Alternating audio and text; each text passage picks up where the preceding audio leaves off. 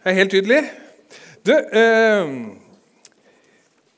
jeg vet ikke om dere har gjort det noen gang, men altså, jeg har av og til eh, blitt sittende oppe halve natta, kanskje hele natta til og med, og skravle og løse verdensproblemer og sånn med venner. Er det noen her som har gjort det? Eh, jeg vet ikke om det løste noen problemer, men det var veldig koselig. i hvert fall. Sitte sånn om natta og, og prate sammen. Og det er litt rolig og, og får liksom en litt annen ramme rundt samtalen når det er natta. Og eh, Det er også utgangspunktet for det jeg skal snakke litt om i dag. Overskriften er egentlig 'Fra død til liv' og hvordan det skjer. Eh, men det var en natt, da. En natt, mørk og stormfull natt for, nei, stormfull, men mørk natt for lenge siden, hvor det kom en mann til Jesus fordi han var nysgjerrig. Det var et eller annet med denne Jesus som han ikke helt fikk grep om. Som han måtte finne ut av. Den mannen het Nikodemus. Han var fariseer og han var rådsherre, så han var høyt på strå i Israel. Eh, og han hadde satt alt inn på å leve et veldig ryddig liv. Veldig riktig, veldig strikte rammer. Han visste åssen det skulle være. Fordi at Fariseerne var blant si, eliten i å holde Guds bud. altså. De, der var ikke mye slinger i valsen. Og ikke bare satte de alt inn på å holde det sjøl, men de på en måte tenkte at det måtte jo alle andre også gjøre. Her var det små marginer. Her var det trangt. Her må vi være forsiktige. Eh, og de hadde ikke nok med at de hadde loven, men de hadde jo en hel masse tilleggstolkninger for å være helt på den sikre sida. For man måtte, måtte være på den sikre sida. Og så oppdager han noe med Jesus som han ikke helt får til å passe inn i dette her. Så kommer han og sier, eh, 'Rabbi, vi vet at du er en lærer som er kommet fra Gud.' 'For ingen kan gjøre de tegnene du gjør, uten at Gud er med ham.' Så han hadde skjønt at det var noe. Skjønt at Jesus var fra Gud, men det virka ikke som Jesus passa inn i Nikodemus sitt gudsbilde. Det var et eller annet som på en måte skurra i den ramma Nikodemus hadde for livet. Og så syns jeg det er interessant, da, for Jesus begynner å snakke om noe helt annet, tilsynelatende.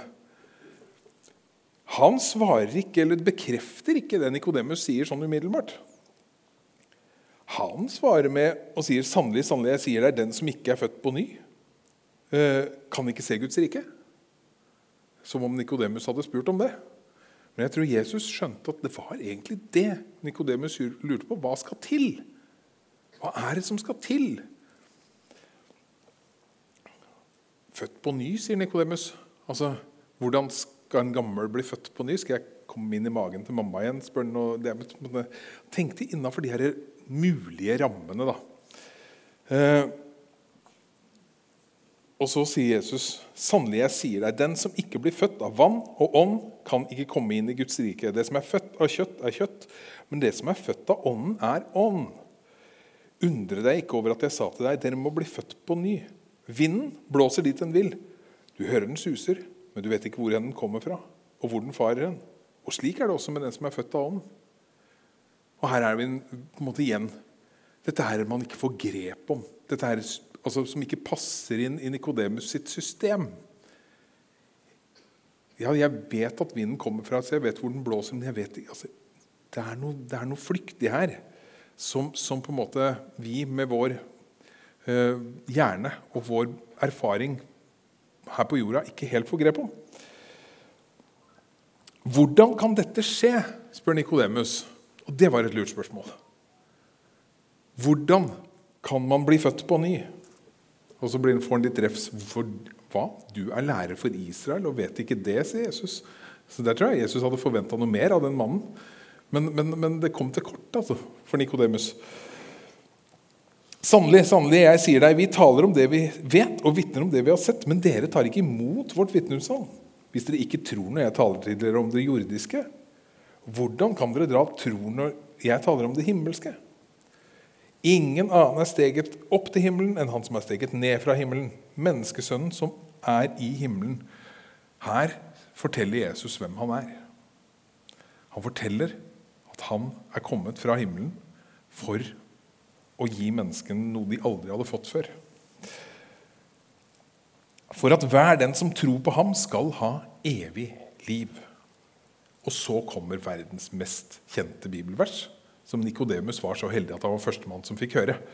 Jeg vet ikke om han tenkte så nøye over det da, men uh, der står det altså, som Martin leser også, For så høyt har Gud elsket verden, at han ga sin sønn den enbårne, for at hver den som tror på ham, ikke skal gå fortapt, men ha evig liv. Gud sendte ikke sin sønn til verden for å dømme verden, men for at verden skulle bli frelst med ham. Den som tror på ham, blir ikke dømt. Og den som ikke tror, er allerede dømt fordi han ikke har trodd på Guds enbårne sønns navn. Og dette er dommen. Lyset er kommet til verden, men menneskene elsket mørket høyere enn lyset fordi deres gjerninger var onde. For den som gjør det onde, hater lyset og kommer ikke til lyset for at hans gjerninger ikke skal bli avslørt. Men den som følger sannheten, kommer til lyset, så det skal bli klart at hans gjerninger er gjort i Gud. I den samtalen Jesus har med Nikodemus, så har han en fortelling som tar Nikodemus med tilbake til historien. Til den gangen israelsfolket var på vandring fra fangenskapet i Egypt og mot det landet Gud hadde lovt de skulle få. Og I en episode der så, sendte, så, så tillot Gud at det kom slanger. For folket var, folket var veldig opp og ned, altså. Det var, uh, i, en periode så var det liksom full rulle, og vi følger Gud. Og sånn, og så var det opprør og gikk de sin egen vei og klagde på Gud. og det var ikke måte på. Og så er, uh, får det konsekvenser. Og en, episode der lot Gud det komme slanger inn i, inn i, i leiren og bite, og folk ble syke, og de døde. Og så vendte de seg til Gud for å, at han skulle redde dem. Og Måten han gjorde det på, var å si til Moses at du må lage en slange av kobber, sette den på en stang og sette opp midt i leiren. Og Hvis noen blir bitt og blir syk og ligger for døden, så skal han se på den slangen, så skal han bli frisk. Det enkle er ofte det vanskeligste. Av og til. For jeg kan forestille meg at det lå israelitter der og tenkte Kom her med noe motgift. Kom og sug ut gifta. Gjør et eller annet. Jeg ligger her og dør. Og skal jeg bare snu meg og se på den slangen? Skal det virke? tror jeg ikke noe på. Det er for enkelt. Kom og gjør et eller annet. Noe action. Kjenner jeg at jeg kjenner meg inn i det? Ja, det gjør jeg. Eh, det blir på en måte for enkelt at andre skal løse problemet for meg. Jeg har da et ansvar. Men så er det sånn at noe ansvar er for stort til at jeg kan bære det, og til at vi kan bære det. Vi kommer aldri til å greie det. Og så kommer Gud med løsninger som er så enkle at de blir vanskelige. Og det Jesus sier til Nikodemus gjennom den her For Nikodemus hadde lest og hørt og sikkert snakka om denne fortellinga mange ganger. Det han visste, blant annet, det var jo at slangen er et symbol på synd. Kobber er et symbol på dom. Jesus forteller at han sjøl skal reises opp, henges opp og bli og ta på seg verdens synd og ta, ta dommen for verden. Det er det Jesus sier som skal til for at dette er mulig å bli født på ny. Så koker det altså ned til for oss at vi må ta imot Jesus. Tro og bli døpt, så skal du bli frelst. Så enkelt, og for mange så vanskelig. For det er altså så lett å ville noe mer. Og når man først har tatt imot frelsen, da, så tenker jeg at det av og til blir ikke noe lettere da. Vi sitter her og har tatt imot Jesus og har fått nåde, tatt imot det. Og så må vi jo da begynne å leve et liv som er Gud, Gud verdig. Og så kjenner jeg at det på en måte litt som Nikodemus, at loven begynner å presse seg på igjen. Fordi at nå er jeg plutselig blitt en representant for Gud der ute. La ingen få noe å anklage dere for. Det er fint. om jeg bare hadde greid det. Eh, så begynner jeg å tenke at nå må jeg oppføre meg sånn, og så må jeg ikke si sånn, og så må jeg gjøre det, fordi at nå er jeg plutselig representant for noe mye større enn meg selv. Og så begynner jeg å bære Gud. Av og til.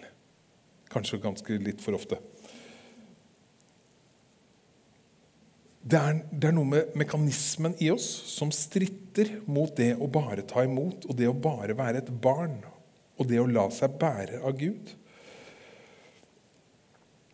Fordi nåden er det eneste som holder helt til slutt. Og så har vi et ansvar, men hva er vårt ansvar, da?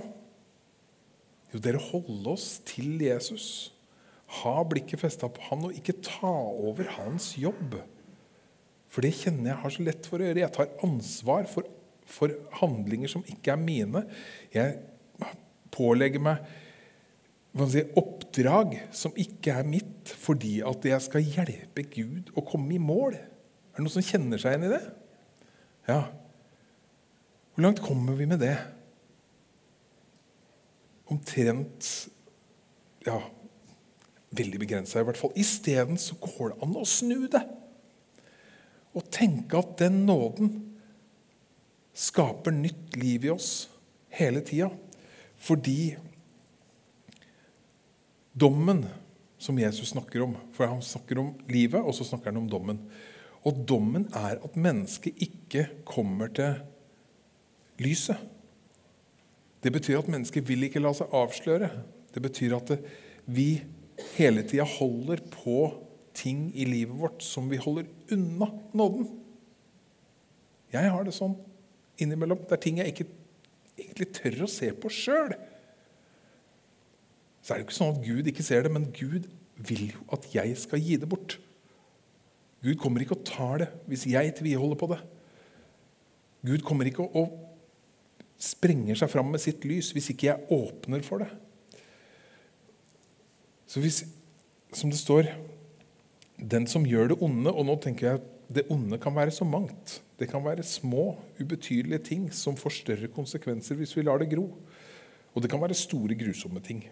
Men det, kan, det er strengt tatt alt som holder oss borte fra Gud, og som vi holder borte fra Gud. For at gjerningen ikke skal bli avslørt. Det er skummelt å bli avslørt, men er det én ting som er sikkert, og det vet jeg, det, det vet jeg fordi jeg har prøvd Det er ikke farlig å bli avslørt av Gud. Det er ikke farlig å bli avslørt av Gud. Det er bare godt. Det svir litt når det skjer, og etterpå så er det fred. Og hvis vi slipper Guds lys til på stadig nye altså stadig flere av de stedene i livet som vi syns det er litt vanskelig å åpne opp, lar oss avsløre, hva skjer da? Jo, da vokser det nye livet som er planta i oss. For livet er avhengig av lyset. Hvis ikke vi slipper lyset til, så stopper livet opp.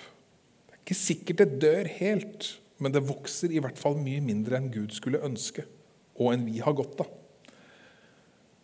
Så det å slippe Gud til på de stedene i livet som vi syns er ubehagelige, slippe lyset til på de steder som vi helst vil at skal ligge litt i i skumring, det gir livet Det gir livsrom for det livet, og det skaper vekst.